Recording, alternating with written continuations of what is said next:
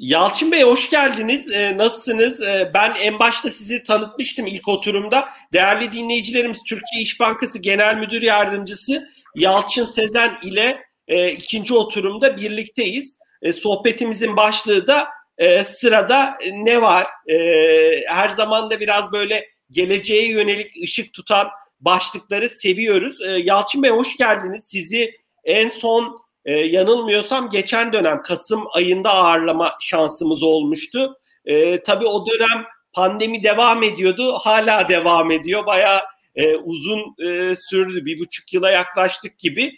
E, dilerseniz sohbetimize başlayalım. Hoş geldiniz tekrardan. E, ilk oturumu da izlediniz e, zaten e, sizin de belirttiğiniz gibi. E, ilk 5 ay 2021'de malum e, hızlı geçiyor, zaman hızlı geçiyor. İlk 5 e, ayı İş Bankası açısından nasıl görüyorsunuz? Neler hayata geçirdiniz? Ben e, sözü size bırakmak istiyorum. Teşekkür ederim. Ben önce programımızla ilgili bir genel bilgilendirme yapayım. Sonra sizin e, sorunuzla e, gündemimize, sohbetimize başlayalım diyelim. Bizim Tabii. birlikteliğimiz e, sonbahar 2016'dan bu yana birlikteyiz. Şimdi e, 6 yıl ve 10 dönem, e, her bir dönem 6 hafta sürüyor ve e, her hafta iki oturum var. İşte e, ne kadar oturum? 12 oturum. 120 oturum tamamlamak üzereyiz bugün. Doğru. E, bir kere bu birliktelikten dolayı ben e, size teşekkür ederim. Bir de ayrıca birlikteliğin yanına yanında öngörü ve adaptasyon. Şimdi bakın biz bugün dijital dönüşüm veya dijitalleşmeyi herhalde her yerde konuşuyoruz.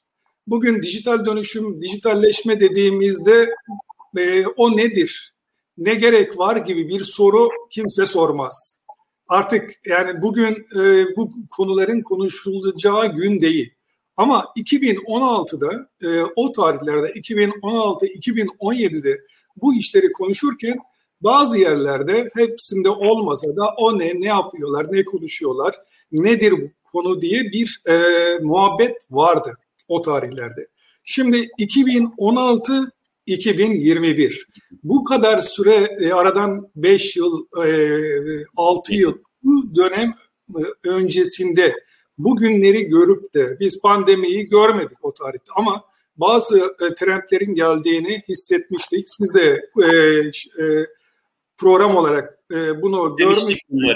Yapmıştınız e, ve birlikte o günden bugüne gidiyoruz. Bu yolda giderken fiziki başladık, şartlar değişti, işte pandemi geldi, e, durmadık, e, ortamı değiştirdik. E, bu da bir adaptasyon meselesiydi ve devam ediyoruz. Şimdi sürdürülebilirlik önemli bir konu. Sürdürülebilirlik de farklı oturumlarda konuşuluyor. İşte esasında bu tür programların da kesintisiz devam etmesi, edebilmesi bir sürdürülebilirliğin e, sonucudur. Bir başarıdır. E, o nedenle adaptasyon olsun, sürdürülebilirlik olsun, öngörü olsun. 2016'da bu işleri öngörüp de bu yola e, çıkmak bir kere işbirliğinden dolayı da önce ben bir teşekkür edeyim ve bu dönem içerisinde 120 e, oturum işte e, yapıldı ve birçok profesyonel görüşlerini aktardı ve e, çok büyük de katkı sağladığınızı da düşünüyorum. Bu bir kez daha bunu teşekkür edeyim ve geleyim sorunuzun açıklamasına. 2000 işte geçen sene pandemi başladı ve şu anda da artık devam ediyor. Artık ne zaman bitecek? Yılın ikinci yarısında etkisi biraz daha hafifler diye umut ediyoruz aşı çalışmalarıyla birlikte ama bütün hepimiz esasında bu hayatı benimsemiş durumdayız. Zorunlu olarak da e, olsa şu anda öyle olsa da böyle olsa da bir şekilde hayat gerek iş hayatı gerekse e, kendi özel hayatlarımız bu kapsamda sürdürüyoruz. Adaptasyon sağlandı. Burada e, bir sözle de başlamış olayım da belki daha önceki dönemlerde birkaç oturumda da bahsettim ben bunu. Haruki Murakami, Japon düşünürün bir sözü var. Fırtınaya girip çıkan insan fırtına öncesi insan değildir. Aynı kişi değildir. Bugün kendimizde de birçok değişikliği hissediyoruz. Daha fırtınadan çıkmadık ama şu anda e, bir oturup düşünsek şöyle kenarda ya bende ne değişiklik oldu? Bir sene önce ne yapıyorduk? Biz şu anda ne yapıyorum? Benim günlük hayatımda ne değişti? Alışkanlıklarım nasıl değişti? Bunu hepimiz hissediyoruz. Kurumlar olarak da bunları görüyoruz.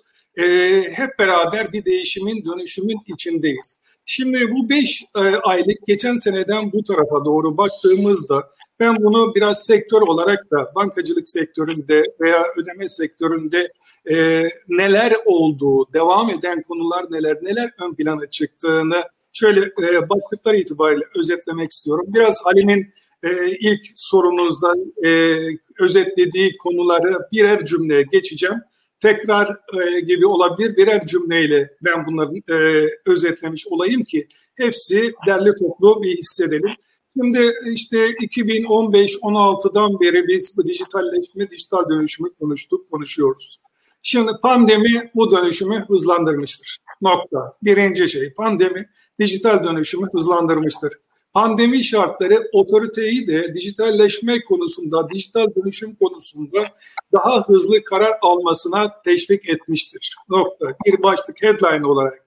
Ondan sonra mekan bağımsız çalışma yaygınlaşmıştır. Artık ilk başladığımız dönemde evden mi 50 mi çalışacak, 25 mi çalışacak, 30 mu çalışacak? Bunlar artık tartışma konusu olmaktan çıkmıştır. Şu anda artık hibrit bir çalışma yöntemi bundan sonra da işin geleceği tarafında hazır durumdadır kurumlar. Artık e, fiziki ortamda yapılan işte eğitim, toplantı, söyleşi şu anda yaptığımız gibi her tür eylemler bunlar da kanıksanmıştır artık uzaktan yapılmayı. Herhalde ben bir iş yerinde, işletmelerde Zoom veya benzeri e, platformlarda toplantı yapılmamış, bir araya gelinmemiş düşünemiyorum. Şu anda o kadar alışıldı ki ister eğitim, ister e, diyelim ki toplantı uzaktan bu tür e, platformlarda bunlar yapılır hale e, geldi diyebilirim. Sonra yine Halim'in e, istatistiklerini verdiği noktada online alışveriş tarafında geçen seneden başlayan ve hala devam eden ve devam edeceği öngörülen bir büyüme söz konusu. Şu anda bu online alışverişte belki içinde bazı dikeyler yeni yeni hayatımıza e, biraz daha farklı giriyordu. Şu anda işte pazar yerinden bizler daha önceki dönemde de alışveriş yapılıyordu. Belki bu dönemde daha da arttı. Bunun içine bu dönemde dikkat çeken artış olarak gördüğümüz bir şey var. Bu da market alışverişi diye adlandırabileceğim şeyler, e, alışverişler. Eskiden şöyle bir kavramımız vardı herhalde. Nereye gidiyorsun? Markete gidiyorum. Şimdi market bize geliyor. Değil mi? Artık büyük pazar yerlerinden daha küçük yani şu anda baktığımız zaman birçok kurum artık market alışverişini de bu e, kategorinin içerisine dahil etmiştir. E, bu bir gelişimdir. Hatta yeni bir trend olarak da şu anda da yavaş yavaş görüyorsunuz. Emlak işi de bu tarafa girmek üzeredir. Onun da örneklerini görüyoruz. Yine bu dönem içerisinde bu kadar böyle gelişim var. Ee, işte bazı alanlar ön plana çıkıyor. Bunu şöyle de adlandırabiliyorum ben. Daha önce de şimdi böyle ekonomilerde bir durağanlıktan sonra çıkışta harflerle adlandırıyoruz. Bir U vardı bizim e, jargonumuzda. İşte bir çökersin sonra dipte gidersin sonra çıkarsın. Bir V vardı. Öyle hızlı çöküş, hızlı yükseliş. Pandemiyle birlikte hayatımıza esasında bir harf daha girdi bizim. O da K. Şu anda mesele K'nın üstünde misin, K'nın altında mısın? K'nın üstünde olanlar gidiyor. K'nın altında olanlar küçülüyor veya biraz daha K'nın şeklini değiştiriyor. Bu hayat aynı şekilde devam ediyor. Ve bu dönem içerisinde böyle bir takım sıkıntılarımız, kısıtlarımızın yanında öne çıkan sektörlerde oldu. İşte K'nın üst tarafı ve girişimlerimizde de e, fintech yatırımları olsun, diğer e, işte startuplarda olsun buralarda da yatırımlarda da bir büyüme görüyoruz. Şimdi bu dönem içerisinde ne oldu? Bir e, bir rekor kırdık. E, işte girişimlerimizin yatırımında ilk 3 aylık rakama baktığımda bir 508,5 milyonluk bir milyon dolar olan bir yatırım alındı. Bu geçen geçmiş geçen senenin hisse senedi deviri olanı e, oyun e, tek gemisi dışarıda tutarsak geçen senenin tamamından da çok yüksek bir rakam. Her ne kadar içinde temerküz, getirin temerküzü olsa da yine Türk e, girişimlerine, girişimcilik ekosistemine bir moraldir, bir büyük katkıdır. En azından bir e, ne diyelim çıtanın yükseltilmesidir diye girişimcilik tarafında da böyle bir olumlu gelişmenin olduğundan bahsedebilirim. Bankacılık sektöründe ne oldu bu 5 aylık döneme baktığımızda iki tane konu hayatımıza girdi. Bunların işaretleri daha öncesinden verilmişti. Geçen sene biz bunları konuşmuştuk. Ne oldu? Bir tanesi FAST 1 Ocak'tan itibaren e, hayatımıza girdi. Sonra Mayıs ayından itibaren de e, uzaktan digital onboarding, uzaktan müşteri edinimi de hayatımıza girdi. Artık öncesinden geliyor, geliyor, geliyor derken geldi. Şu anda bir ayda bitti. Artık bir hamle daha yapmış olduk diyelim. Şimdi e, önümüzdeki dönem için de sırada ne var dediğimizde esasında sırada belki sonlara doğru konuşuruz. Konuşuruz. Sırada çok konu var ki o zaman Bey şöyle söyleyelim. Yalçın Bey. içerisinde devam eden sürekli bir koşuşturmaca ve yakalama onu yakaladık bunu yaptık şunu yaptık böyle heyecanlı bir şey var diyebilirsiniz evet. ki söyleyin size. Yo yo yo Yalçın Bey. Diyebilirsiniz ki devam evet. ediyoruz. Yani pandemi olmasına rağmen pandeminin de getirdiği fırsatlar tamam olumsuzlukları biliyoruz. Onun yarattığı bu zor zamanından da iş çıkarma e, ve iş yaratma o, o konular üzerinde çalışmalar devam ediyor. Sektör olarak devam ediyor. Yan sektör, dikey, yatay her tarafta buna gibi buna göre yoğun bir çalışma var. Yani sırada çok şey var diyeceğim. Sırasıyla geçeriz. Çok teşekkürler Yalçın Bey. Ee, inanılmaz bir dinamizmin e, olduğunu e, hepimiz görüyoruz. Çok farklı sektörlerde. Bankacılıkta da bu e, çok dışarıdan da çok rahat hissediliyor. E, bütün bu detayları konuşacağız. E, Yalçın Bey siz açmışken ben de aslında o noktayı soracaktım. Bir tanesi e, fonların anlık ve sürekli transferi uygulaması Ocak başında devreye girdi. E, diğeri de biraz gecikmeyle ötelendi. 1 Mayıs'ta devreye giren e, uzaktan müşteri edinimi konusu. E, bu konuda da farklı kurumlar iletişimler yapıyor. İş Bankası da iletişim yaptı. Biraz buradaki çalışmalarınız nasıl gidiyor?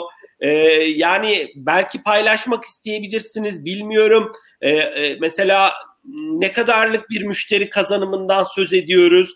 Ee, belki sektörün geneli bazında paylaşılan bazı istatistikler vardır. Ee, Bankalar e, Birliği'nin. Ee, biraz bu konularda neler söylemek istersiniz? Beklediğiniz gibi mi gidiyor? Ee, sözü size bırakmak istiyorum. Tamam. Şimdi ben iki uygulamadan da bahsedeceğim. Bu uygulamaların biraz rakamları da, da bahsedeceğim. Ruhlarından da bahsedeceğim. Ne anlama geliyor? Tamam? Şimdi dediğiniz gibi geçmiş yıllarda konuştuk. Biraz ötelemeyle de hayatımıza girdi. Ve ne getiriyor? Şimdi FAST e, Ocak ayında başladı. FAST gerçek kişilerin işte bin liraya kadar olan para transferlerinde kullandığı bir yöntem. 7-24 para transferi. Şimdi bizim hayatımızda şu anda jargonumuzda para transferini çok kullanmıyoruz. Havale ve EFT diye bir şey var. Şimdi nedir EFT, nedir havale? Esasında yeni nesile dediğim zaman ben yeni bir havale, havale ne? EFT ne? Biraz garip geliyor. Biz esasında alıştık ama bu sözleri ya bir transfer parayı oradan oraya gönderiyorsunuz yani. Birine gönderiyorsunuz. Şimdi işte biraz bir öncekinde açık bankacılıkta gelen ödeme hizmetini aracılıkta bu işin daha çok da yaygınlaşacak önümüzdeki dönemde ama e, şimdi bir kere jargon olarak biz önümüz, şimdi o bin lira limit daha sonraki dönemlerde yukarı doğru artar. Şu anki zaten daha önce daha küçüktü. Bin liraya geldi. Bir kere paraya erişim, hesaba erişim ne kadar kolaylaşıyor. 7-24. Olası bir EFT öncesi yani saat 16 sonrası bir gün sonra ondan sonra ondan önce bir işte aynı gün hikayesinin ortası ortadan kalkıyor belli tutarlar açısından. Burası çok önemli. Değiştirdiği konu transfer anlık 7-24 para transferi. Fonların anlık zaten transferi. FAST'ın e, kelime anlamıyla. Bu çok bu çok önemli bir şey kavram. Yani anlık olarak siz bir müşteri olarak yani bir bankacılık sisteminde e, işte nakde erişeceksiniz ne diyelim bankamatikler üzerinden de para sizin başka bir yerde de olsa e, banka şubesi kapalı da olsa erişebiliyorsunuz. Nakde erişim. Çok önemli bir konu. Bunun böyle bir şeyi var. 1 Ocak'ta başladı ve şu anda da o bin liraya kadar olan yapıda Ocak ayıyla bugüne kadar gelinen yapıda çok hızlı bir gelişim var. Ben bir mantığından bahsetmek istiyorum. Paranın transfer tarafında artık EFT dediğimiz olay yıllar itibariyle yok olup gidecek. Tamam bu bu taraf. Daha çok önemli olan konu Mayıs ayında hayatımıza giren e, uzaktan müşteri edinme konusu. Şimdi bizim bankacılıkta, dijital bankacılık tarafında e, yasal olarak bu zamana kadar 1 Mayıs'a kadar yapamadığımız tek bir işlem vardı. O da bu onboarding, müşteri edinme. Yarısını alıyorduk, müşteri dijitalden başvurabiliyordu. Müşteri kimlik tespiti için ya kurye devreye giriyordu ya da e, müşterimiz şubeye gelmek zorundaydı. Yani e, sistemde, ekranda biz bunu bitiremiyorduk. Şimdi 1 Mayıs itibariyle bu iş hayatımıza girdi. Türk bankacılık sistemine girdi. Bir kere 1 Mayıs'ı kendi tarihsel e, tarihteki yerimizin e, dışında bir başka şekilde finans kesimi olarak da 1 Mayıs 2021 Türk bankacılık kesiminin e, bankacılık e, tarihinin gelişiminde çok önemli bir yer olacaktır.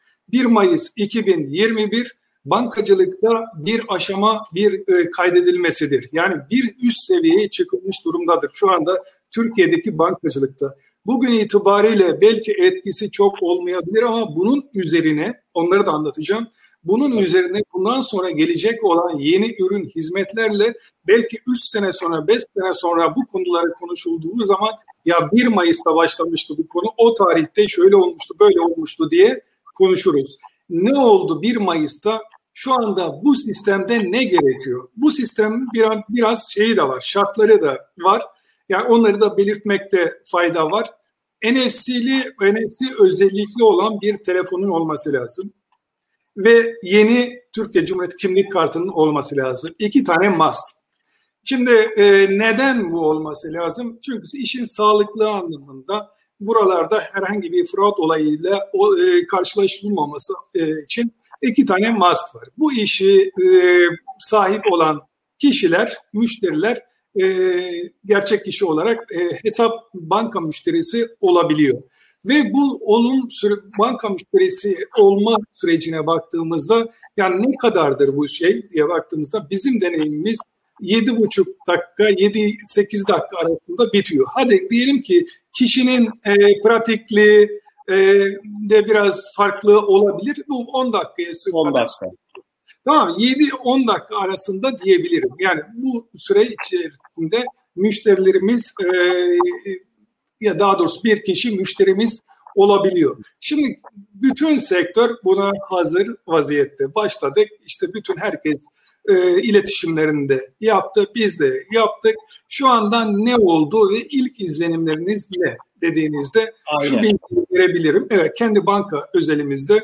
Çünkü bunun e, sektör bazında rakamları biz BDDK tarafından açıklanmasını veya Bankalar Birliği tarafından daha bir açıklama e, olmadı ama peyderpey bankaların kendi açıklamaları da oluyor e, gördüğümüz kadarıyla. Şöyle söyleyelim, burada bizim günlük bine yakın bir başvurumuz oldu başvuru. Başvurunun içerisinde e, yüzde 35-40 bandında olan bir e, başvurunun da e, telefonlar NFC uyumlu çıkmıyor. Yani bunun bizim en azından Türkiye çapında bir e, örneği temsil ettiğimizi düşünecek olursak sistemde de 3 aşağı 5 yukarı böyledir diyebilirim. Bunların da şöyle söylediğim telefonlar... Yüzde 35 mi dediniz Yalçın Bey? Yüzde 35-40 bandında yani e, telefonlar NFC uyumlu değil. Tamam. Ya bu ne oluyor? Yani bu buradan başlıyor işlem ya kurye tarafına devam ediyor ya da şu kimlik tespiti anlamında şube tarafına yönlendiriyoruz. Şube tarafından bu işlem oradan tamamlanıyor. Şimdi bu 35-40'ın yanında bir de yüzde 5-10 da e, hayat devam ederken işte kamera bozuluyor, yok o okutamıyor. Bir işin operatif bir sıkıntısı oluyor. Bunları şunu yapıyoruz. Yani bu arada bir şey olduğunda hemen çağrı şeyden e, telefonla tekrar aranıyor müşterimiz ki ya ne oldu tekrar deneyelim. Ondan sonra o müşterilerimizi öylelikle işlem anında tekrar yakalamaya çalışıyoruz. Ve bu şey e, şöyle diyelim e, süreç en önemli süreç burada gördüğümüz bizim telefonların NFC özelliğinin e, olmaması. olmaması. Türkiye'de cep telefonunun da sık değiştirildiğini bildiğimizden yani zaman içerisinde buranın sorun olmaktan çıkacağını e, düşünüyorum, düşünüyoruz ve bu yapıyla e, bizim artık e, bu yönden işte e, günde bin taneden ne kadarlık bir müşteri e, edindiğimizi görebiliriz. Şu anda Mayıs ayında şu soru akla gelebilir. Yani toplam ne kadar müşteri ediniyorsunuz? Bu Mayıs ayındaki işte bu müşteriler toplam edindiğiniz müşteride ne kadarı bu uzaktan edindiğiniz. Şimdi Mayıs ayında biliyorsunuz yani kapalı dönemde müşteriler açısından Mayıs ayı iyi bir şey değil. Yani değil. bayram vardı galiba O nedenle evet pandemi dönemi vardı. Bizim pandemi öncesi dönemde de şunu söyleyebilirim. Pandemi öncesi dönemde bizim ayda 100 bin ortalamada bir müşteri edinmemiz e, söz konusuydu. Yani şu anda e, tamamen burası e, çoğunluğu artık buradan geliyor gibi bir şey değil. Ama başlangıca göre gayet iyi ilgi var. Biraz da istatistik olarak şundan vereyim. Kimdir? Yaş grubu olarak tabii e, hep beklendiği gibi e, yaş grubu olarak işte 24 yaş arası yüzde 40 biraz daha yukarı çıktığımızda yüzde 20 yani genç e, taraf burada. Daha çok gençler beklendiği üzere. Özel kesim çalışan öğrenciler e, bu alanda. Daha çok erkek. Ondan sonra ağırlık baktığımızda kendi istatistiklerimiz İstanbul'da. Daha ağırlığı İstanbul gibi e, ne demografik e, istatistikler belirtebilirim. Bununla ne olacak sözünde şimdi bir aşama kaydedildi diye söylemiştim. Şimdi bizim şu anda bir müşteri edinmeden diğer işlemleri tamamlamaya kadar eğer kredibilitede herhangi bir şey yok ve sürtünmesiz bu hayatın devam ettiğini varsayacak olursak bir kişi dışarıdan müşteri olup hayatını herhangi bir şubeye gelmeden sürdürebilir. Böyle bir imkan ortaya çıkmış durumdadır şu anda. Yani bu belki bir sonraki aşamada bizler şu anda dünyada Challenger Banka diye geçiyor, dijital banka, neobank falan muhtelif adı var. Bizim şu anda Türkiye'deki bankacılık sistemi esasında şu anda bir dijital banka pozisyonunda. Yani dışarıda yapılıp da bizde yapılamayan şu anda herhangi eski hep söylediğimiz bir onboarding vardı. O, o onboarding olayı da tamamlanmış durumda ve şu anda hayat bunun üzerine kurgulanacak. Bir şey daha söyleyeyim. Şu anda muhtelif yerlerde hep toplantılarda konuştuğumuz bir konu vardı. Tre, e, işlem adedi paylar. Şu anda işlem adedi pay işte dijitalde hep artar yüzde 95, 96. Bunun mobilde yalnızca mobilde yüzde 70'lerdi. Şimdi buradan elde edilen, buradan gelen müşteri doğrudan hayata mobille başlıyor. Başlıyor. Mobille başladığı için yani dijital bankacılığın işlem adedi, işlem payı da bundan sonraki aşamada yükselecek. Daha Şimdi, da artacak. Daha da artacak. Ee, burada bir husus daha var. Yine bunlar hep bu işin ruhunu e, kavranması için e, izah ediyorum. Şimdi baktığımız zaman bizim e, altyapılarımızı veya e, Türkiye'deki bankalara baktığımızda ya da geleneksel banka diye baktığımızda bir banka dediğinizde siz diyorsunuz ki nerenin müşterisiniz? İş Bankası müşterisiyim. Ardından bir de şube söylersiniz. İstanbul şubesi, şurası, burası. Şimdi burada da mesela e, biz e, bu yapının içerisinde şube bağlantısını kopardık. Seçenek sunuyorum en azından. Bunu şöyle ben rakiplerimizin özelliklerine baktığımda burada çok göremedim ama e, yanılıyor da olabilirim birkaç tane baktığımda. Şu anda genel müdürlükte, genel müdürlük olarak, İş Bankası genel müdürlük olarak bir şube adı koyduk. Bunun da diyalog şubesi dedik. En azından yine bir kod olarak sistemde bir şey var. Yine bir kod koyduk. Ve oraya da tabii herkese değil belli grubu orada alalım dedik. Yani herhangi bir şube istemiyorsanız yani şube orada seçenek sunuyoruz. Diyalog şubesi ister misiniz? Şimdi e, şunu söyleyeyim işte alışkanlıklar şöyle alışkanlıklar kolay değil. Şimdi e, istatistiklere baktığımda biyolog şubesini çok seçen yok. Yani tabii burada da e, çünkü orada bir bilgi koyuyorum ne olur diye ben yine bir şubeye gideyim falan ya da bir şube bağlantısı olayım şubeye gitme değil de. Orada peki Yalçın Bey yakınındaki şubeyi seçiyor değil mi kişiler? Yani Evet yakınındaki herhangi bir şubeyi seçiyor veya şube istemiyorum falan gibi bir şey olursa herhangi bir şube genel müdürlük şubesi olarak diyalog, diyalog şubesi seçiyor. Var. Ama diyorsunuz seçilme oranları düşük. Ee... Seçilme oranı çok şey değil, yüksek değil. değil. Beklediğim gibi değil. Hatta biz şöyle herkes buraya seçerse ne yapacağız gibi bizim de e, soru işaretlerimiz olmuştu. Biraz yaş ve aralığı kısıtlamıştık ama gördüğümüz e, o değil. Zaman ya içerisinde biraz onu test amaçlı. Herkese açmadınız. Belli gruplara bir görmek amaçlı yaptınız ama Tabii. gözüken o ki diyorsunuz seçilme oranları düşük diyorsunuz ki e, tamamen müşteri dijitalden gelmiş olmasına rağmen diyorsunuz. Evet, evet. Çünkü belki müşteri şunu da düşünmüş olabilir benim şubeyle herhangi bir bağlantım yok ki. Yani zaten şubeye ihtiyaç duymayacağım ki diye. Şimdi bir şube açtık. Bu şubemiz e, Tutom'daki genel müdürlük binamızda fiziki olarak şube var ama o şubeye müşteri gelmiyor. Gelmiyor. Yani biraz farklı bir şey. Yani e, buradaki deneyime göre e, biz bu şube sayılarımızı arttırmayı da düşünüyoruz. Şu anda bakalım bir pilot olarak fiilen şubemiz var. Yalçın Bey e, önemli bir aslında içgörüyü bizimle paylaştınız. E, ne olursa olsun e, müşteri şubeyi seçme eğilimini büyük bir çoğunluğu gösteriyor en azından şu aşamada diyorsun. Hazır geri gelmişken siz aslında iki kavrama değindiniz. Bir tanesi dijital bankacılık tarafı bir de şubeler konusuna girdiniz. Ben aslında bu iki soruyu biraz birleştirebilirim. Birincisi Türkiye'de de dijital bankacılık lisansının çıkacağına yönelik bir takım e, konular gündeme gelmişti. Bir, şu an bununla ilgili bir e, mevzuatsal değişiklik bildiğim kadarıyla olmadı. E, oldu mu olmadı mı ben hani bunu size sorayım. Bununla ilgili hazırlık mı yapılıyor? E, tabii ki bu böyle bir değişiklik aslında e, yani şubesi olmayan tamamen dijitalde faaliyet gösteren banka sayısını da herhalde arttıracaktır. E, biraz burada e, yani buradan hareketle biraz şubelerin de aslında geleceğine girebiliriz. E, malum perakende sektöründe e, özellikle e, hızlı tüketim ürünleri alanında yani gıda alanındaki perakendecilerde pandemi ortaya çıktıktan sonra kimi marketler e, kendi mağazalarını mesela gölge mağaza yaptı. İngilizcesi dark store yaptı. İşte oradan teslimatlar yaptı, kapattı, müşterilerin erişimine kapattı. Biraz aslında sizin şubelerin geleceğine yönelik öngörüleriniz nedir? Dünyada mesela buna yönelik e, kimi örnekler görüyor muyuz? E, bu iki konuyu dilerseniz işleyebiliriz. E, sonrasında devam ederiz zaten Yalçın Bey sohbetimize.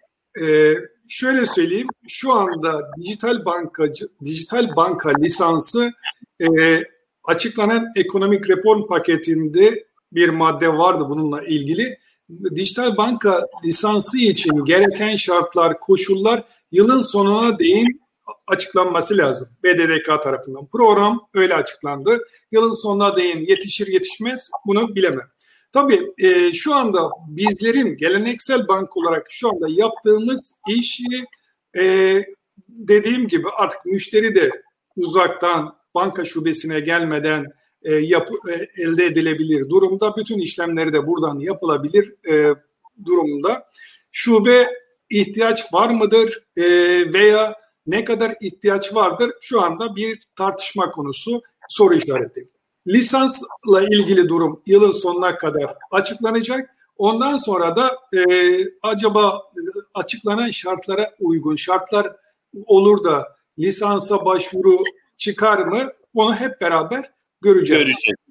Burada önemli olan konu e, lisansın içeriği ve lisansın bedeli. Bugün en son 2016'da bir Çin Bankası'na BDDK'dan bir onay verilmişti. Oradaki açıklamada sermaye şartı olarak 300 milyon dolardı. Şimdi bugün e, banka için onun en sonu referans kabul edelim. 300 milyon dolar bir banka kurmak için, banka faaliyeti için sermaye gerekiyordan yola çıkarsam, dijital banka için de bu 300 mü olacak, başka bir şey mi olacak? Bunu hep beraber göreceğiz. Yani eğer bu çok düşük bir şey olursa, denirse herkes bu tarafa olur.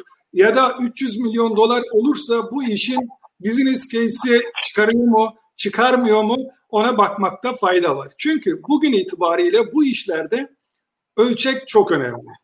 Bugün geldiğimiz noktada da ölçek çok önemli. Belirli sayıda sizin iş hacmini yaratıyor olmanız lazım. E, o nedenle e, sıfırdan bir dijital banka kurduğunuzda bir de şartlara baktığımızda siz bugün sıfırdan dijital banka kurdunuz. Sizin değer öneriniz ne? Mevcut bu değer öneriniz sistemde var mı? Var.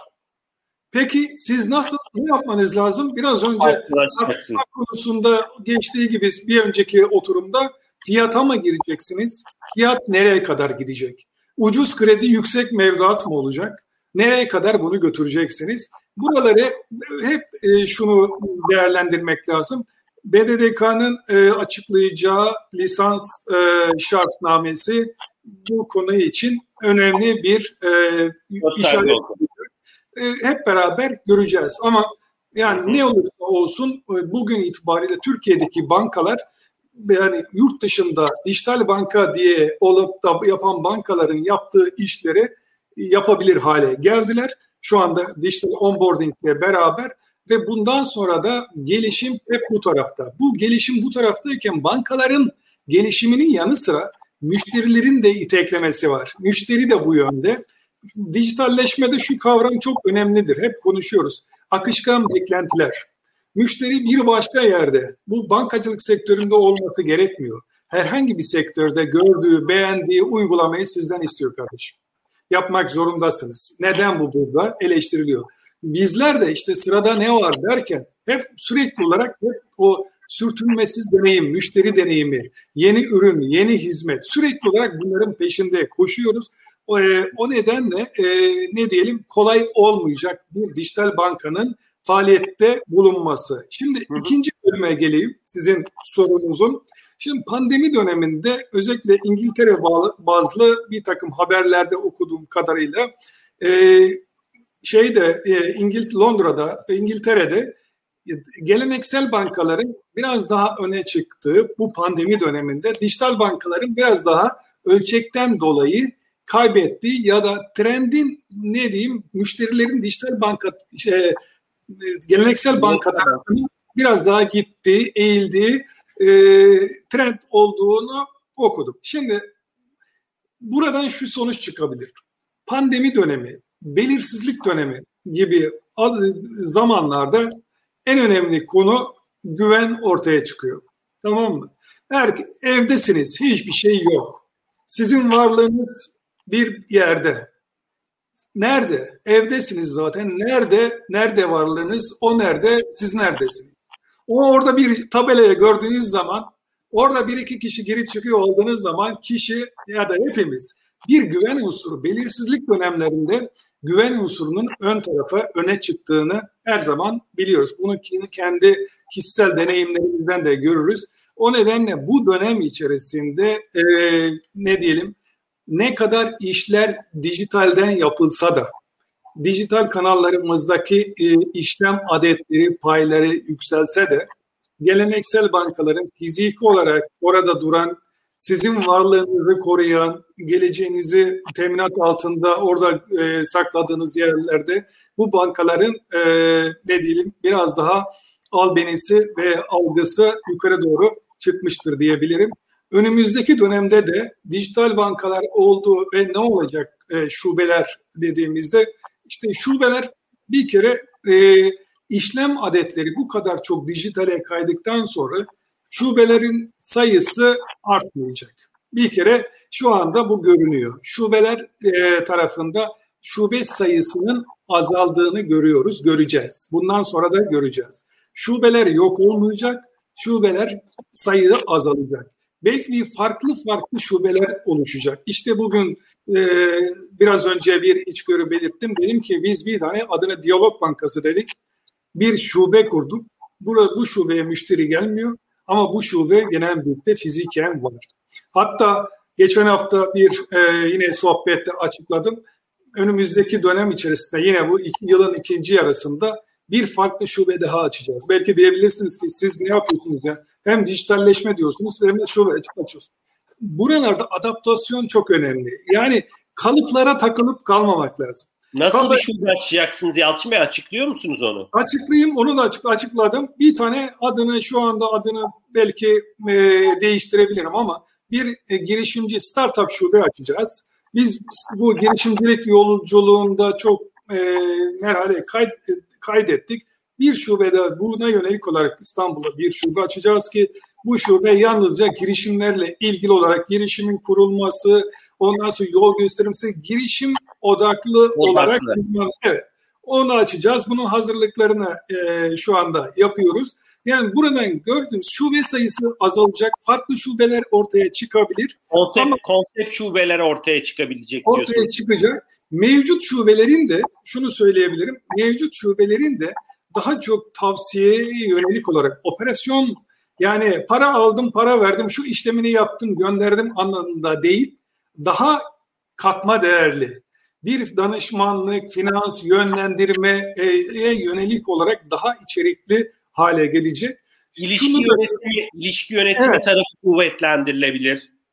Evet, o taraf yani ilişki yönetimi e, tarafı, e, takip, müşteri takibi, müşteriyi yönlendirme. Şunu söyleyebilirim yani bu da bir içgörüdür. Bugün itibariyle tamam dijitalden operasyonları, operatif işlemler yapılıyor, birçok işlem yapılıyor ama satışlarımızın ağırlığı yine şubeden.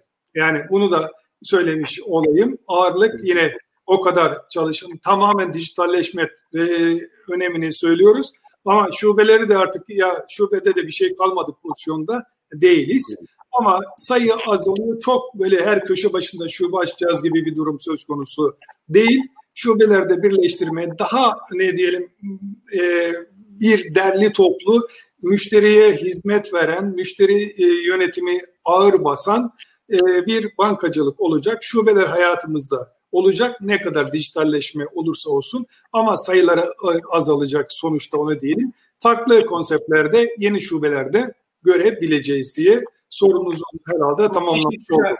Çok teşekkürler Yalçın Bey. Şey konusunda çok net net oldu her şey. Yani lisans şartnamesinin e, içeriği e, dijital bankacılık tarafındaki başvuruları etkileyecek, buradaki rekabeti, buradaki iştahı etkileyecek diyorsunuz. Bir de e, tabii ki de bu işe girecek kişilerin kendilerini nasıl farklılaştıracaklarını çok iyi düşünmeleri gerekir diyorsunuz. Şubeler tarafında da e, orası da çok net oldu bizler için. Çok teşekkürler. Şube sayıları artmayacak. Konsept şubeleri e, göreceğiz daha fazla e, ve tüketicilerin de özellikle bu e, beklenmedik anlarda o fiziksel dünyaya olan inançları, güven e, duyguları oldukça önemli diyorsunuz. Çok teşekkürler. Yalçın Bey, e, ilk oturumda Selim Bey ile Halim Bey'e sormuştum. Biraz bence burayı konuşmamız önemli. Sizin stratejilerinizde de çok önemli bir yer tutuyor. Bu arada e, LinkedIn'de sizin geçen bir e, yazı paylaşmıştınız. Orada da Topkapı Danışmanlık, Elektronik Hizmetler ve Pazarlama Ticaret AŞ spin-off'unu gerçekleştirdiniz dediniz. E, tabii bu e, eminim onun içinde bir marka ortaya çıkacaktır. Yani bu bir tüzel kişilik sonuçta. Biraz burada aldığınız aksiyonlar neler oldu? E, demin Halim Bey biraz değindi ama detayları e, da çok girmek istemedi. Siz de e, e, katkıda bulunacağınız için. E, bir de piyasada inanılmaz bir rekabet de var. Yani görüyoruz isim vermeyelim işte bir bakıyoruz bir banka mesela e, arka tarafa bir e, e-ticaret e, sitesine entegre ediyor. Sizin zaten yıllardır e, Maksimum Mobil'le yaptığınız çalışmalar var. E, operatörler yani isim de verebiliriz. İşte farklı operatörler kendi e, uygulamalarına sigorta bile satmaya başladılar e, malum. E, payment tarafına giriyorlar e, e, vesaire. Yani burası acayip bir hareketli durumda Yalçın Bey. Ben sözü size bırakayım. E, nasıl görüyorsunuz? Kendinizi nasıl konumlandırıyorsunuz e, bu e, yoğun rekabette? Şimdi dijitalleşmenin geldiği yer diyelim ya da dijitalleşmenin getirdiği yer diyelim. E, müşteri dijitalde ve dijitalde artık işte pandemiyle birlikte de hızlanan dijitalden hizmeti görme e, sıklığıyla birlikte bu e, eğilimlerin arttığını görüyoruz. Şimdi geleceğin bankacılığı diye de adlandırıyoruz kendi içerisinde. Şu anda kurumların finansallaşması diye de bankacılık dışında da kurumların bu işlere girdiğini görüyoruz. Daha öncesi bu dijitalleşmeyle birlikte hep daha önceki toplantılarda ya da görüşmelerimizde bahsettiğimiz bir şey vardı. Bankacılığın sınırları, bankacılığın etrafındaki sınırlar kalkmış durumda. Değil mi? Artık bankacılık da bankaların dışında da başka yerlerde de yapılabilir hale geliyor. Para transferini de işte açık bankacılıkla yapacaksınız. Fatura ödemesini de şu anda yapılıyor. Birçok alan. Şimdi bu kurumların finansallaşması e, kavramında getirdi. Ondan sonra ve bir ekosistem yani herkes komşuluğundaki işlerini de e, yapmaya yönelik olarak müşterisine kendisi sahip olması, müşterinin ihtiyaç duyacağı komşuluğundaki işleri de kendi bünyesinde bir e, oluşturduğu bir platforma dönme gayretiyle birlikte yalnızca finans sektöründe değil, önce pazar yerlerinden başlayan daha sonra daha e, büyük perakendelere de yayılan bir sistem var. Şu anda gördüğümüz o ve bundan sonra da şu anda her geçen gün bu sizin de bahsettiğiniz gibi örnekler var. Şimdi bizim de e, bu dijital dönüşüm çalışmaları kapsamında e, işte Halim de daha önceki oturumda bahsetti. Önceden beri bu tür çalışmalarımız vardı ve e, en sonunda e, bir spin-off diye yani banka içinde bir bölünerek bir büyüme e, sağlıyoruz. Topkapı bahsettiğiniz danışmanlık pazarlama şeyi kurduk ve bu e, şirketimiz e, e, herhalde gecikme olmazsa ilk bu ayın e, ilk 10 gününde e, yeni markamızı da duyuracağız. Şu anda e, ne olacak? Markanın da, adını açıklamıyorsunuz değil mi Yalçın Bey? Şimdi o e, gizli olsun şimdilik ama tamam. E, ne olacağını da söyleyeyim ve nelerin olacağını üç aşağı beş yukarı kafalarda canlanması açısından maksimum mobil platformumuz, uygulamamız ikiye bölünecek. Yani o uygulamanın içerisinde bir bölümü banka olacak, bir bölümü yeni şirket olacak. Maksimum mobile açtığınızda bizim telefonlarımız şimdi o yönde baktığınız zaman onun içinde şu anki görüyorsunuz yeni yeni uygulama şeyler de yeni boyut dikeyler de gelecek. E, sırada bekleyenler de var. E, yarısından daha azı banka tarafı kartlar ve o kart kampanyaları gibi bankacılığa ilişkin olan bölüm e, banka tarafında onun altında olan işte e, ne diyelim alışveriş orada gördüm aldım var market alışverişi seyahat. Diğer akaryakıt alışverişi olsun sineması olsun şu bu olsun. Yemek sepeti. Evet ekosisteme ilişkin olan işler yeni şirketimizde olacak. Ve burası bir platform e, platform.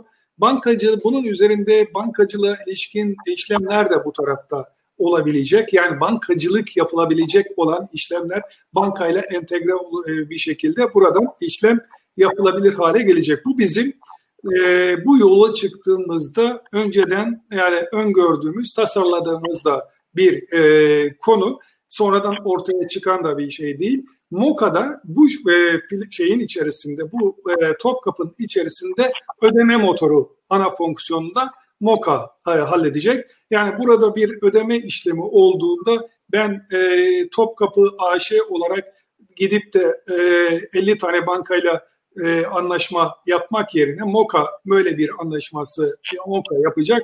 Ben Moka orada benim entegratörüm kendi şirketimiz olacak. Orada Selim Bey'in bahsettiği diğer işlerin dışında yalnızca bu amaçla değil Moka'nın fonksiyonu ama bizim bu en azından Topkapı Danışmanlık Pazarlama AŞ'nin içerisinde ödeme motoru e, ne olacak? E, MOKA bu fonksiyonu sağlayacak.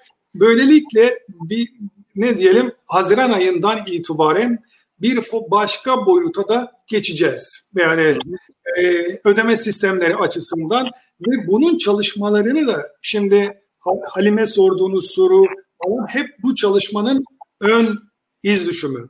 Şu anda ekosistem olarak adlandırdığımız burada bir ayrı bir yol var.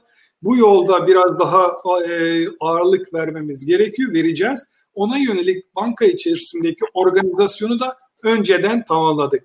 Yani Ocak ayından itibaren, bu yıl başından itibaren şirket kuruluşu, şirketin sermaye artırımı, gerekli içerideki organizasyon, e, kadrolar, şunlar bunlar görünmeyen tarafta bizim hummalı bir çalışmamız var. Şimdi Haziran ayı itibariyle işte 10 Haziran diye ben bendeki tarih bir store'a gönderme veya oradaki onaylarda gecikme olursa bilmem yani olursa ama en kötü ihtimal yine biz Haziran ayı içerisinde bir çıkış yapacağız. Bir önce şu anda kendileri kendimiz bir e, test yapıyoruz canlıda. Ama müşterilerimizi Haziran ayında çıkacağız. Ondan sonra da artık burada yeni bir hatta ne yapacağız? Artık sırada ne var derken ben hep bunları söylüyordum. Sırada o kadar iş var ki şöyle söyleyeyim. E, bu dönem içerisinde, bu pandemi dönemi, dijital dönüşüm döneminde şu anda işleri yetiştirmede farklı farklı işleri. Bakın aynı iş değil. Şey Selim Bey güzel söyledi. Terzi işi farklı çözümler veya farklı ortaklıklar. Gelin görüşelim şunu yapalım bunu yapalım falan. Burada ne yapabiliriz gibi bir takım çalışmalarımız var ve bundan sonra daha farklı bir heyecan. Şöyle söyleyeyim.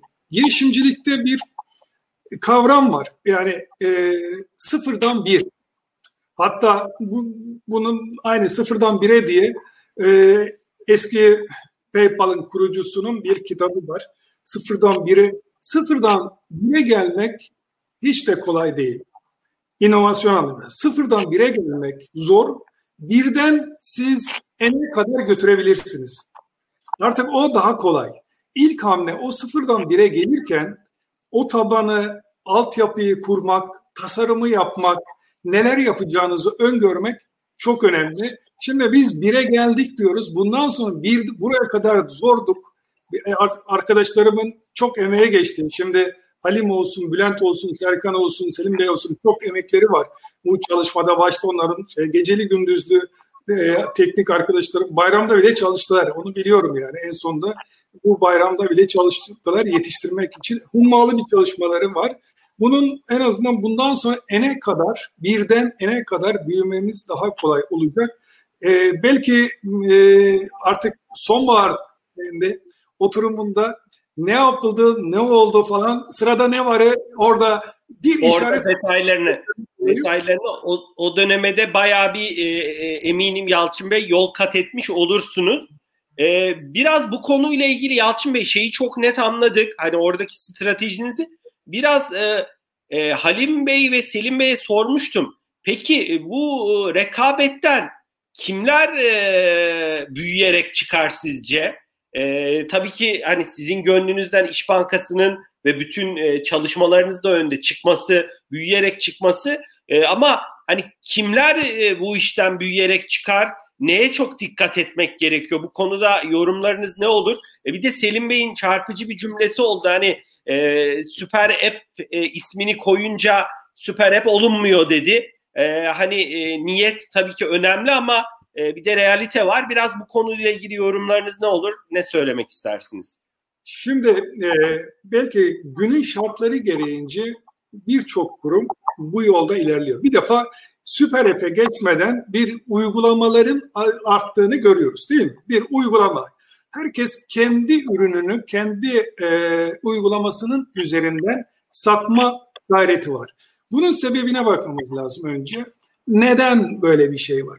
Şimdi görüyoruz ki perakendede işte e, büyük pazar yeri şirketlerinin dominansını görüyoruz. Şimdi marka bakıyor ki benim ürünümün çoğunluğu oradan satılıyor. Benden satış yok. Yarın ben kontrolü artık pazar yerine mi veriyorum diye kendi satış kanalını da bugün madem dijital dünyada satışlar yapılıyor kendi uygulamasını da hayata geçiriyor.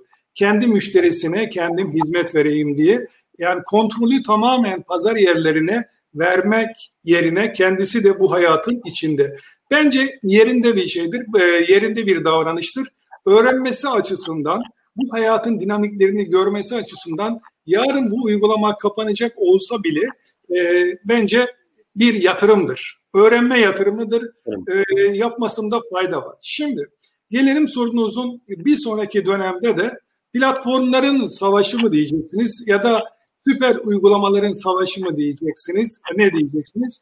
Burada tabii işte sizin de tekrar ettiğiniz gibi Selim Bey'in de söylediği yani şey değil. Burada ölçek çok önemli. Ölçek. Birincisi ölçek. İkincisi içinizdeki çeşitlilik ve deneyim. Tamam mı? Siz ne yapıyorsunuz ve ağınız yani ne kadar ağınız var? Kim var? Yalnızca siz bir pazar yeri misiniz? Bakın şu anda pazar yerlerinin nasıl gelişlediğini, dikeyler kurduğunu görüyorsunuz. Bunun nereye geleceğini biz öngörüyoruz. Bir sonraki aşama finansallara kadar gidiyor bu iş. Yani bir sonraki fatura finansman olsun, şu olsun, bu. Bunlar görünen şey, görünen kılavuz. Görmediğimiz şeyler değil. Şu anda buradaki bu dediğim gibi ölçek büyük bir konu. Ölçek bu hem yarattığınız iş hacmi hem de müşteri ve bulunduğunuz faaliyet alanı neler var, neler yok. Bunlar avantaj. Biz kendi avantajımızı biliyoruz. Yani ben burada kendi uygulamamızda biz şu anda yine o gördüm aldım veya pazar yerinde şunu aldım bunu mu sattım şunu al değil benim şey tarafım. Bizim tabi onlar da olacak. Bir müşterinin ihtiyacı olan her şey orada olacak. Bizim biraz daha yani uygulama çıkardığımızda e, bunları e, bizim neremiz farklı, neden oradan değil de sizden olacağını oralarda daha detaylı anlatacağımız anlatacağız. Ama ben bizim bir banka gücümüz var. Bankanın müşteri e, tabanı var. Bankanın dijital müşteri bir işçi kullanıcısı sayısı var ve bankanın müşteri bankanın e, iştirakleri biz yani iş bankası olarak ben kendi ekosistemim bile önemli bir yer tutuyor, önemli bir güç tutuyor. Biz kendi ekosistemimizden güç alarak bu e, dünyada, bu platform işinde yer alacağız. En azından e, deli gibi para harcayıp da al al sat sat gibi bir şeyimiz olmayacak. Yani e, burnundan girip ağzından çıkıp al bunu böyle bir hayatımız değil. Müşteri deneyimi, müşterinin ihtiyacı, müşterinin ihtiyacı olduğu yerde olacağız. Yani biraz daha farklı bir e, yoldan ilerleyeceksin. Yoldan. Yalçın Bey, Yalçın Bey şey vurgusu önemliydi. Biz geçen hafta da e, konuşmacılarımızdan bir kişi buna e, yönelik vurgu yapmıştı. First party dataların öneminin arttığı bir dünyadayız demişti. Ee, hadi ben burada sizi desteklemek amaçlı söylüyorum. Sonuçta hakikaten de şirketler şu an e, veriye kendi sahip olmak, birinci elden sahip olmak istiyor. E, o açıdan da pazar yerinde olmak tabii ki çok değerli ama kendi uygulamalarını, kendi servislerini sunup orada da birinci elden dataya ulaşıyor olabilmek çok değerli. Bir de Yalçın Bey orada rekabetle ilgili e, sizin sonuçta şöyle bir gücünüz var. Yani sadece sizin değil bankaların e, sonuçta müşteri kredi kartıyla e, birçok harcama yapıyor. Tatile gidiyor, belki çocuğunun okul harcamasını ödüyor, e, kitap alıyor, markete gidiyor vesaire vesaire. Yani sizin elinizde inanılmaz aslında bir data var. Yani müşterinin e, ne kadar harcadığını, nelere harcadığını zaten görüyorsunuz. E, müşteri zaten buna izin vermiş de durumda. Sonuçta bankanın kredi kartını kullanıyor. Bu anlamda e, biraz bu datayı hep konuşulan bir konudur ya big data, büyük veri. Biraz büyük veriyi de konuşturacak mısınız? Yani oradan çok değerli, hedefli iletişimler yapacak mısınız? Ne söylemek istersiniz? Ya sorunuzun cevabı evet yapacağız ama bakın bizim şöyle bir şeyimiz var. Önce e, İngilizce söyleyeyim. First help, sell second. Önce yardım sonra satış. Tamam mı? Böyle agresif satacağım, şunu yapacağım, bunu yapacağım, bilmem. Bu değil bizim şeyimiz. Biz önce müşterinin ihtiyacını karşılamak. Bakın bir, bir müşterinin ihtiyacı var. iki iş yerinin ihtiyacı var. Merchant olarak. Tek taraflı değil. Yani iki tarafı ben birleştireceğim. Bugün itibariyle merchant tarafı, iş yeri tarafı daha ihtiyacı var. Şimdi bu ihtiyaç kolaylıkla buralarda kendi ürünlerini satmaları veya pazarlamalar açısından imkan sunacağız. Buradaki yapı biraz bu tarafa geliyor ve bu bir ekosistem. Ee, tabii bunun altında müşterinin verisi, müşteri verileri büyük veriden her zaman bunlar artık geleneksel hale geldi. Müşteriyi tanıyabilmeniz için müşteri hakkında içgörü yaratabilmeniz için onun verisiyle ilgili bir takım ver, e, bilgiye de sahip olmanız ve buradan bir değer e, yaratacak evet, içgörüye ulaşmanız lazım. Onu da e, ifade etmiş olayım. Çok teşekkürler Yalçın Bey. Ee, e, bir saat 50, yani toplamda bir saat 56 dakika oldu. Ee, bayağı da hızlı geçiyor süre. Değerli paylaşımlarınız için çok, çok teşekkürler. Ee, ilerleyen dakikalarda da hani sizin de değerli vaktinizi almayalım. Sohbetimizi sona erdiririz.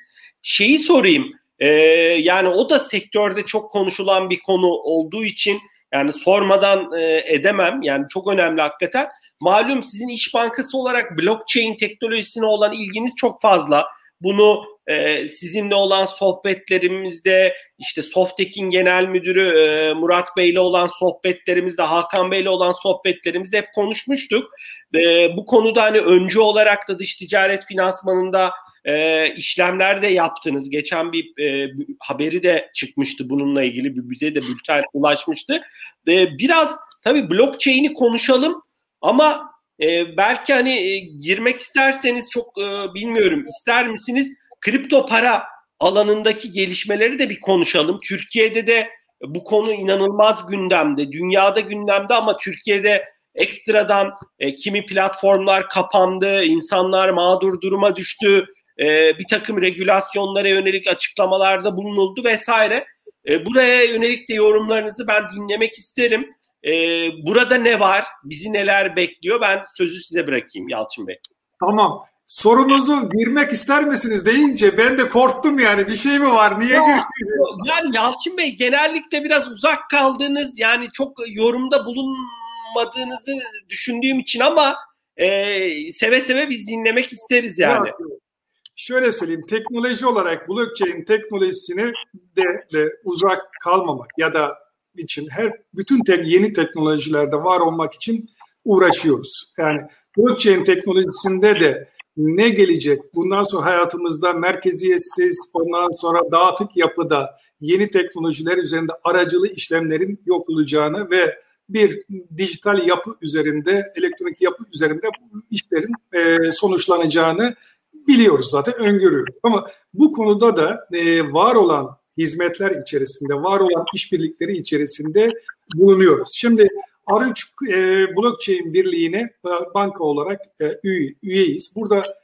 Korda platformu üzerinden Marco Polo dış ticaret projesinde e, kendimiz banka olarak da burada çalışıyoruz. Buradaki diğer ülkelerdeki bankalar ve kurumlarla beraber Türkiye'den de Marco Polo üzerinde herhalde biz yalnızca biz olduğumuzu biliyorum. Dış ticaret tarafında ithalat, ihracat işlemi olarak bir pilot yapmıştık sene başında ve en sonda bu e, geçen Mayıs ayı içerisinde bir ithalat ve bunun garantisini fiili o şeyde pilot yani şeye geçtik pilotu geçtik canlı ortamda yaptık. Commerzbank ve Şişe Cam e, şeyde de ihracatta da Kuraray e, Almanya'dan bu işlemi yaptık ve yine bu işlem Türkiye'de bir ilkti ve bu yöndeki çalışmaları da da bundan sonra da devam edeceğiz. Burada gördüğümüz konu şu ki şimdi benim daha önceki e, alanlarda da bahsettiğim bir konu var. Hep ölçek ve açık sistemler. Açık sistemlerde de şunu söylüyorum. Şimdi buralarda farklı farklı platformları görüyoruz blockchain altında. İşte Corda platformu, Marco Polo, burada bütün herkes yok. Ve bu sistemler şu anda daha büyük yere gelecek ama emekleme aşamasında. Bu emekleme aşamasında olan sistemlerde, e, yeniliklerde sisteme adapte olma, bir defa zihinsel olarak da bu sistemde e, tutma e, için bunları yapıyoruz. Önümüze gelen fırsatları da değerlendiriyoruz. Buradaki çalışmalarımız da şu anda da baktığım zaman ben Türkiye'deki finansal sistemin içerisinde burada da öncü olduğumuzu görüyorum. Bu bir en azından tespit diyelim. Bundan sonra da bunu yapacağız ama blockchain teknolojisinde böyle açık sistemlere geçmeden, herkesin her yerde olmadan böyle fuleli büyüme için daha zamana ihtiyacımız var. Bunu görüyoruz. Şimdi ikinci konu kripto e, tarafı. Şimdi dijital banka, elektronik e, dijital para, elektronik para bir tarafta, kripto para bir tarafta. Kriptolu üzerinden blockchain'in bir yan e, ürünü olarak görüyoruz. Şimdi tabii e, bankacılık sistemi bir tarafa, kriptoçuluk, e, kripto paralar bir tarafa. Şimdi biraz 2008 kriz sonrası 2009'da e, hayata geçen ve ondan sonra gün geçtikçe sayısı kripto varlık olarak da artan bu alandaki işlem hacmi ve değerleri de artan bir dünya. Şimdi tabii muhtelif buralarda tartışılması gereken konu var. Şimdi biraz rakamdan bahsedeceğim ki biraz rakamlarla beraber e, bu konuyu değerlendirelim. E, Coin Market e, Cap.com diye bir sitede artık e, anlık olarak verileri kaç tane kripto para o anda işlem yapıyor bunları görmek mümkün. Şu anda 5000'in üzerinde kripto varlık var ve sabah baktığımda e, bugün e, kripto varlıkların değeri 1 e, trilyon 647 milyar dolar. 1.6 tamam mı? Şimdi geleceğim geri geleceğim. Bu bugünkü değer Mayıs ayının e, başında bu değer 2.2 trilyondu. Bugün 1 trilyon e, 647 milyar. Mayıs ayı başında 2.2 idi. Ne kadar bir şey var? Aradaki rakam bunları açıkladıktan sonra geleceğim. Şimdi Tabii. geliyorum geri. Geri geliyorum. 763 milyar 2020 sonu. 763 milyar. Biraz daha geri geliyorum. 19 193 milyar. 18 131 milyar dolarlar. Tamam mı? 2017 614 milyar. 2017'de 614 milyar, 2019'da 193 milyar hocam. Tamam. Bu e, bu bütün ne diyelim kripto varlıkların değerini topladı. değeri. Şimdi 2.2 trilyon dolar. Ne oldu hocam? Ne oldu? Bir anda 2.2 oldu. Ondan 1. sonra geldik 1.6, 1 trilyon 6. Şimdi tabii burada bir e, bu 1.6'nın da şöyle baktığımız zaman oransal dağılımına baktığımızda 40-45 bandında bunun e, Bitcoin'den oluştuğunu görüyoruz. Bu 1.6'nın yüzde 40 ile 45 bazen bu sabah 42 idi Bitcoin. Yüzde 19'da 18-20 arasında geziyor Ether, Ethereum şeyinde. Şimdi Bitcoin'in bir e, sınırı var 21 milyona kadar bir kıtlık vesairesi var. Ötekilerin de e, değer anlamında neden değerleniyor? Ondan sonra diğerinin de bir teknolojisi var. Bir teknolojinin üzerinde akıllı kontratlar, şunlar bunlar veya işlerin kolaylaştığı şu bu. Şimdi bir, her zaman konuşulan konu var. İki tane burada ikiye böleceğim. Kendi e, kripto varlığın spekülasyon ağırlığının olması bir tanesi. İşte bir söylem, e, bir e, Elon Musk'ın söylemi, bir, bir kararı veya açıklaması nasıl oynuyor? Yani volatilitenin o çok yüksek olduğu, spekülasyonun çok yüksek olduğu bir pazar. Ee, ve rakamları da söyledim. Bugün yatırıp da sonradan yarısına düştüğünüz, çok azaldığınız tam tersi. Yani şöyle söyleyeyim 2019'da yatırsaydınız şu anda ihya olmuştunuz herhalde. Ve biz şöyle kendi içimizde baktığımız zaman şu hikayeyi çok duyuyoruz. Yani kripto yatırdım, araba aldım, ev aldım. Hiç de kaybedeni duymayız. Halbuki şu anda 2.2 hatta onu da söyleyeyim bugün e, bu değerin içerisinde Bitcoin 37 bin dolardı. 65 bin dolara çıkmıştı şeyde. Şimdi 65'ten alan 64 500, 65'ten alan şu anda ne yapıyor? Yani burada yatırımda para kaybetmenin acısını hisseden acısını bu işi deneyimleyen bilir.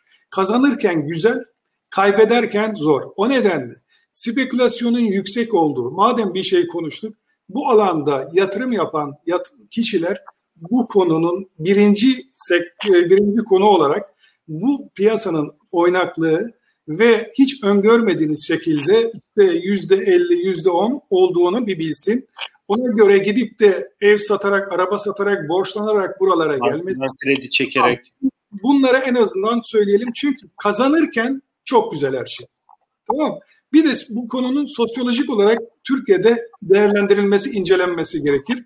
Bizim istatistiklerimiz e, şu anda Avrupa'da birinci, Avrupa'da birinci, dünyada üçüncü müydük? Öyle bir istatistiğimiz var. Şimdi neden?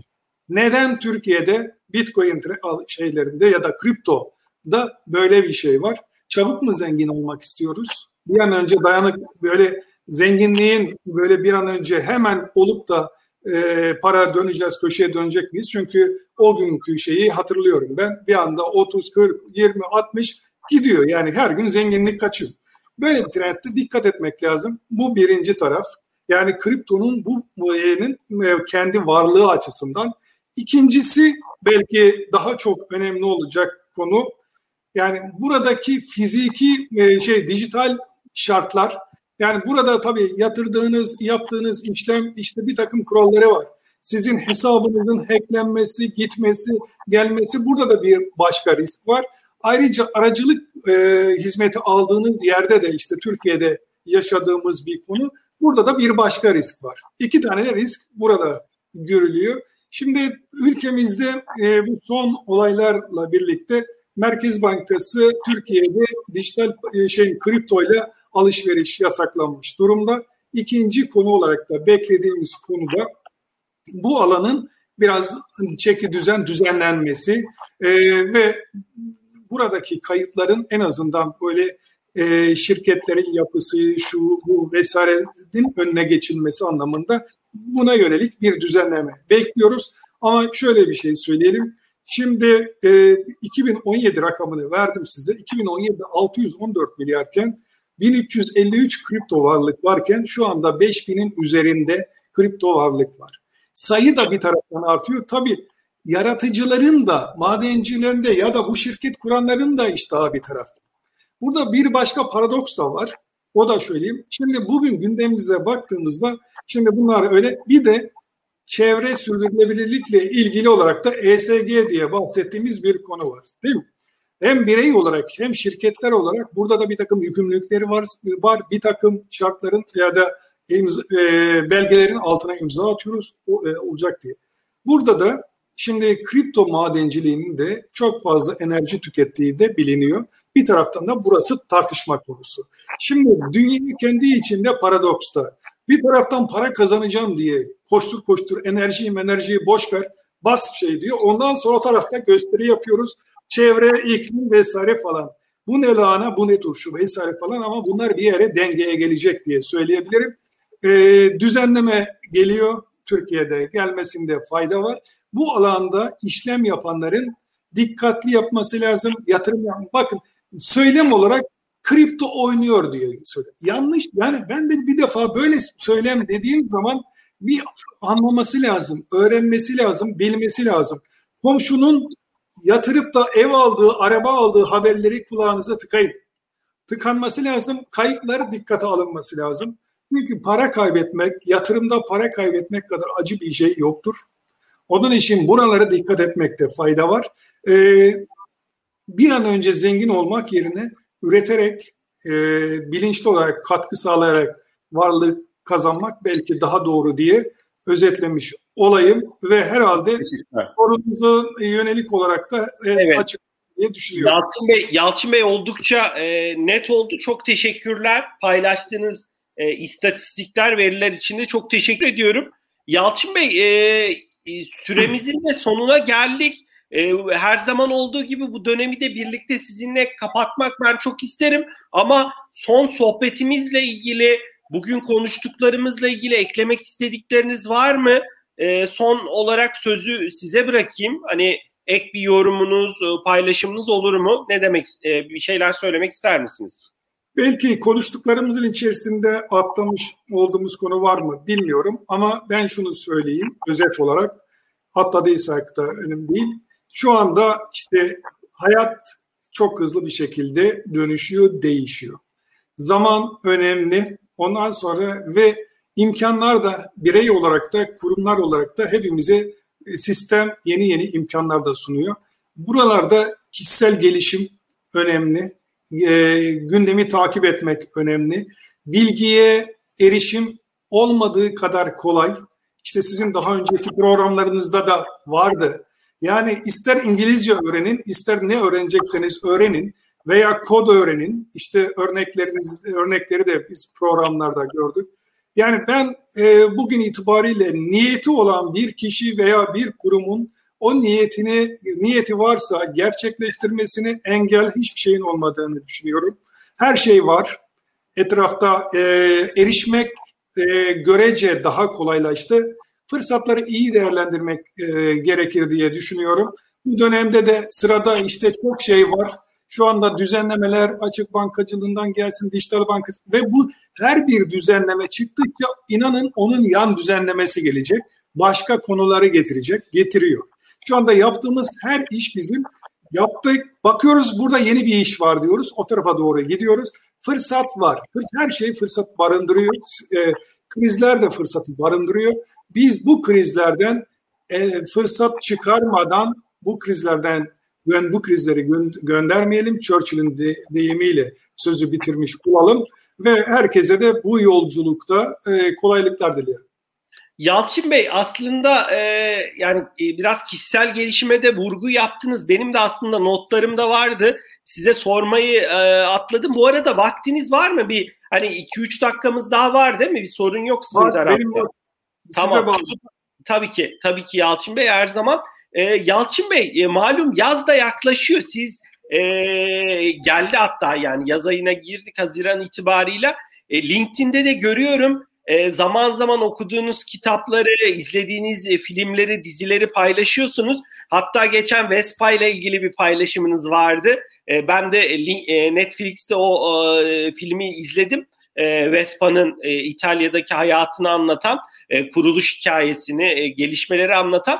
E, belki biraz da hani soft bir kapanış da yapmış oluruz. Biraz yaza yönelik değerli dinleyicilerimize kitap ve film öneriniz olur mu? Neyi izleyelim? Ne söylemek istersiniz bu konuda bir paylaşımınız olur mu? Peki seve seve. Şimdi Netflix'te bizim bu dönem içerisinde yine kazanımlarımızdan diyelim. Ben Netflix'te gerçek hayattan uyarlanan filmlerin hemen hemen hepsini seyrettim. Ara sıra da bakıyorum yeni film gelmiş mi diye. Orada kaçırmıyorum. Artık e, dinleyicilerin, izleyicilerin e, seçeneğine, beğenisine göre e, gerçek hayat çok güzel. Hatta Vespa'da e, bu kapsamda bir filmdi.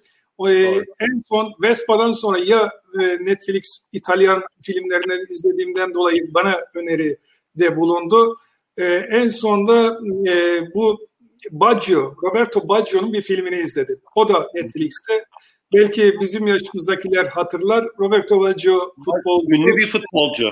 Sevilen biri. Dünya Kupası finalinde penaltı atışlarıyla e, İtalya kupayı kaybetti. Son penaltı atışında Baggio yaptı. Şimdi üzerinde oluşan stres ve ondan sonraki hayatını anlatan bir e, film çok muazzam o e, belgesel e, şeklinde bunu önerebilirim orada öne çıkan. Bir de Intouchables ve yine insana dönük Intouchables, Green Book gibi e, şeyde filmlerde de hep insan insanın değeri, insanların birbirlerine olan e, yardımı, paylaşımı, katkısını ön tarafa çıkaran filmler. E, ben en az beğendiğim filmler onları söyleyebilirim. Kitaplar tarafında kişisel gelişime yönelik olarak da Beyin diye bir kitap vardı. En son David Eagleman, onun Yaratıcı Tür diye bir kitabı çıktı. Bunu da özetini yapmıştım LinkedIn'de. Yaratıcı tür bizim beynimizde neden böyle e, yaratıcı oluyoruz? Soru. Neden yaratıcı? Bazı kişiler yaratıcı, diğerleri niye değil? Ne e, yol açıyor? Netflix'te belgeseli de var kitapla birlikte belgeseli de izlenebilir. Ee, üzerine Yaratıcı tür değil mi Yalçın Bey? Evet, yaratıcı tür. Kitabın adı yaratıcı tür. Ee, belki belgesel de yaratıcı beyin de olabilir. Yani benzer ee, sonra e, yine yerli bir kitap e, Akan Abdullah'ın Öngürlemeyenler. Ee, bir, bir kitabı çıktı. Ee, bence tam bu hayatımıza da ne yapmamız gerektiği, neler olduğunu e, anlatan örnekler kendi hayatından verdiği örneklerle de süslemiş çok güzel bir kitap. E, pay, e, okunmasında fayda görürüm kişisel gelişim olarak.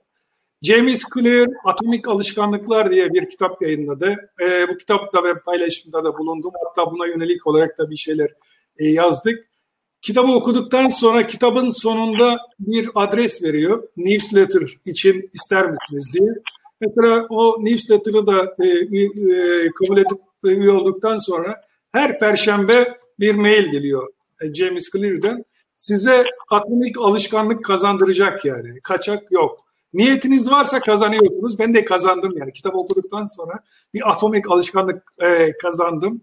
Çok güzel böyle kendisinin hayatıyla da bağdaştıran bir şey daha söyleyeyim. Yine bu e, şeylerde söyleşide de bahsettim.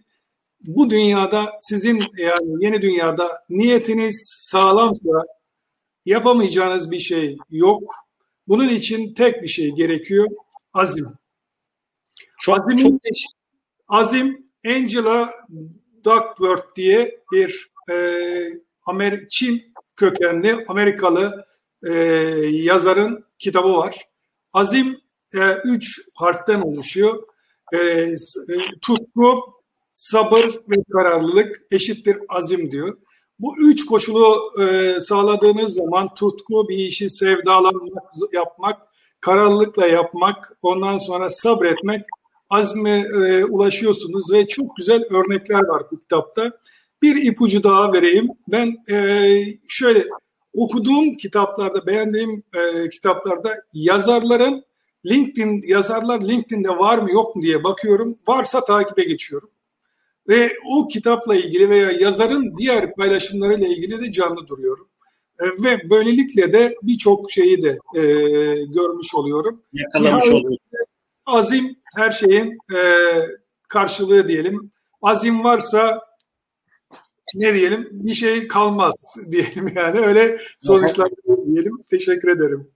Yalçın Bey e, değerli tavsiyeleriniz için çok teşekkür ederim. Ben de notlarımı aldım. Değerli dinleyicilerimiz de eminim e, izlemedikleri e, filmleri sizin tavsiye ettiğiniz ve okumadıkları bahsettiğiniz kitapları eminim özellikle yaz ayından da faydalanarak takip edeceklerdir. Bu arada Akan'a sevgilerimizi iletelim. Akan'ı da daha önce etkinliklerimizde ağırlama fırsatımız olmuştu. Ben kitabını okumadım ama muhakkak alacağım. Buradan da ona sevgilerimizi iletelim. Yalçın Bey çok teşekkür ediyorum değerli paylaşımlarınız için. Ee, ben hani size en başta birkaç istatistik paylaştınız. Ben de birkaç katkıda bulunayım buna yönelik olarak. Ee, dediğiniz gibi İş Bankası ile e, bizim işbirliğimiz kapsamında şu ana kadar 10 dönemi geçirdik ve yaklaşık 220'den fazla konuşmacıya ağırladık bu sohbetlerde. Ee, dediğiniz gibi her dönem e, 12 oturum e, toplamda da 220'nin üstünde değerli konuşmacıya ağırladık. Bu dönemde yine aynı şekilde 20'den fazla değerli e, konuşmacıyı, değerli profesyoneli, girişimciyi sohbetlerimizde ağırladık. Ben e, size de çok teşekkür ediyorum bugünkü paylaşımlarınız için. E, Halim Bey'e ve Selim Bey'e de ilk oturumda ağırladığımız çok teşekkür ediyorum değerli paylaşımlar için. Ve bu dönem ağırladığımız tüm değerli e, konuşmacılarımıza ve bizleri e, bu etkinlikleri takip eden, e, YouTube'daki yayınlarımızı izleyen değerli dinleyicilerimize de ben çok teşekkür ediyorum. E, bu arada bugünkü sohbetimizde de aslında birkaç kez e, siz de vurguladınız sürdürülebilirlik konusu da çok e, e, gündemde olan bir e, madde. Hatta İş Bankası da geçenlerde e, bir kurumsal hesabından paylaşımda bulundu. E, bir kredi anlaşmasının sürdürülebilirlik ayağı, sürdürülebilirliğe yönelik bazı taahhütlerin olduğu bir anlaşmaydı. Biz de Digital Talks olarak geçen yıl sürdürülebilirlik sohbetlerine başlamıştık Yalçın Bey. E, ilkbahar ve sonbahardan farklı olarak kısmetse Eylül ayında bizim aslında e, dönemimiz biraz erken başlayacak. Eylül ayında sürdürülebilirlik sohbetleri adı altında altı e, oturumdan oluşacak bir seriyi de e, İş Bankası'nın katkılarıyla gerçekleştireceğiz. Bunu da değerli dinleyicilerimizle ben paylaşmak istiyorum. Tabii Ekim ve Kasım döneminde yine Digital Talk Sonbahar 21'i e, organize edeceğiz. Orada yine çok farklı başlıkları değerli konuşmacılarımızla birlikte konuşuyor olacağız. E, Yalçın Bey çok teşekkür ediyorum değerli paylaşımlarınız için. Dilerseniz E, bu dönemi kapatalım birlikte. Ben de size şimdiden e, çalışmalarınızda başarılar diliyorum ve yaz tatili eminim yapacaksınızdır. Tatilde de e, iyi dinlenmeler diliyorum. Zaten her zaman iletişim halinde oluruz. Değerli paylaşımlarınız için ben çok teşekkür ediyorum. Ben de teşekkür ederim. Hepimiz artık yeni dönemde bu görüşmek üzere diyelim. Arada da yine görüşeceğiz ama ekranda artık yeni dönemde yani Eylül'de ve daha sonraki e, sezonlarda görüşmek aylarında görüşmek üzere. Yalçın Bey çok teşekkür ediyorum. E, değerli dinleyicilerimiz e, bugün ikinci oturumumuzda İş Bankası Genel Müdür Yardımcısı Yalçın Sezen bizlerle birlikteydi. Tüm oturumlarımıza YouTube'dan ulaşabilirsiniz. Bana LinkedIn'den erişebilirsiniz. Her türlü yorum, öneri, yeni konuşmacı önerisi, konu önerisi her türlü önerinize de her zaman açığız. E, herkese güzel ve keyifli bir e, gün dilerim. E, görüşmek üzere.